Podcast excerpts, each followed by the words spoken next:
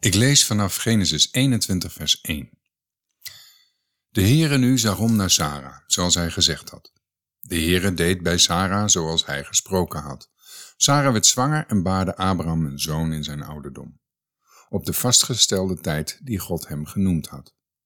Abraham gaf zijn zoon, die hem geboren werd, die Sara hem gebaard had, de naam Isaac. En Abraham besneed zijn zoon Isaac toen hij acht dagen oud was, zoals God hem geboden had. Abraham was honderd jaar oud toen zijn zoon Isaac hem geboren werd.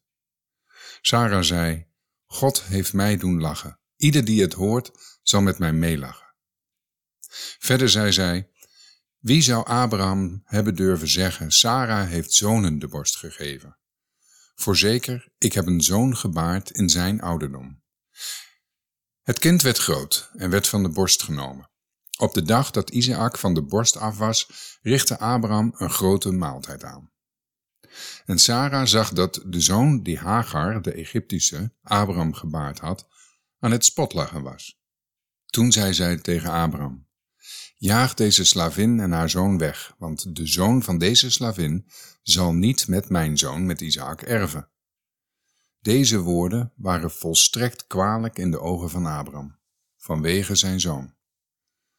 Maar God zei tegen Abraham, laat deze zaak met betrekking tot de jongen en uw slavin niet kwalijk zijn in uw ogen. Bij alles wat Sarah u zegt, luister naar haar stem. Want alleen het nageslacht van Isaac zal uw nageslacht genoemd worden. Maar ik zal ook de zoon van deze slavin tot een volk maken, omdat hij uw nageslacht is. Toen stond Abraham s morgens vroeg op, nam brood en een zak met water, gaf die aan Hagar en legde die op haar schouder. Hij gaf haar ook het kind en stuurde haar weg. Ze ging op weg en dwaalde rond in de woestijn van Berseba.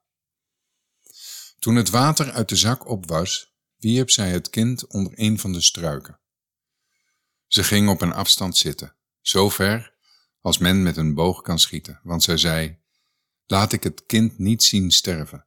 Terwijl zij op een afstand zat, begon ze luid te huilen.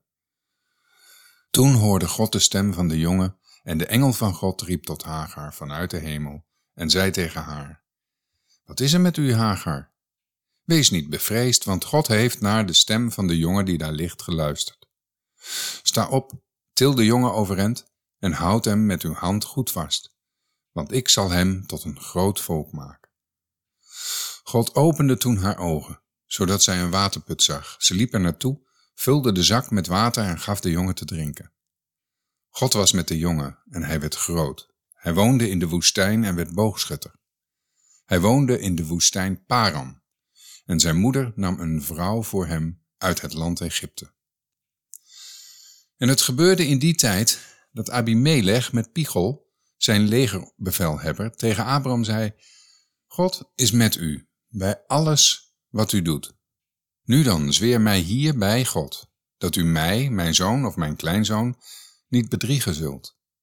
In overeenstemming met de goede tierenheid die ik u bewezen heb, moet u mij en het land waarin u als vreemdeling verblijft, goede tierenheid bewijzen.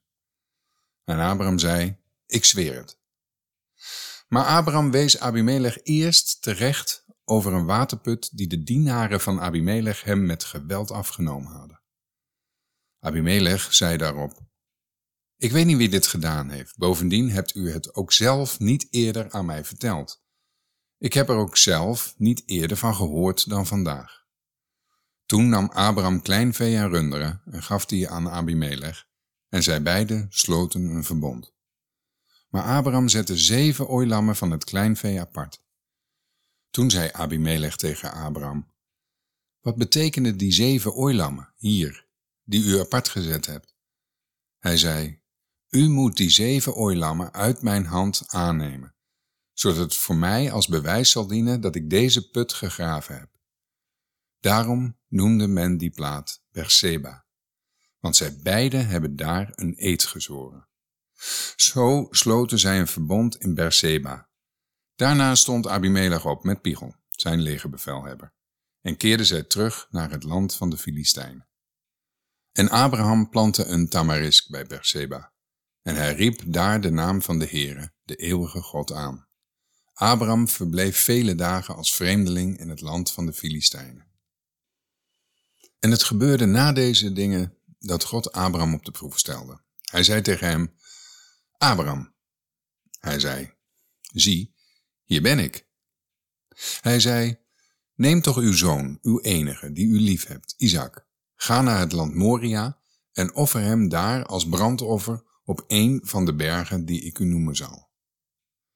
Toen stond Abraham s morgens vroeg op, zadelde zijn ezel, nam twee van zijn knechten met zich mee en Isaac zijn zoon. Hij kloofde hout voor het brandoffer, stond op en ging naar de plaats die God hem genoemd had. Op de derde dag sloeg Abraham zijn ogen op en hij zag die plaats in de verte. Abraham zei tegen zijn knechten, blijven jullie hier met de ezel. Dan zullen ik en de jongen daarheen gaan. Als wij ons neergebogen hebben, zullen wij bij jullie terugkeren. Daarop nam Abraham het hout voor het brandoffer en legde dat op zijn zoon Isaac. Hij zelf nam het vuur en het mes in zijn hand. Zo gingen zij beiden samen.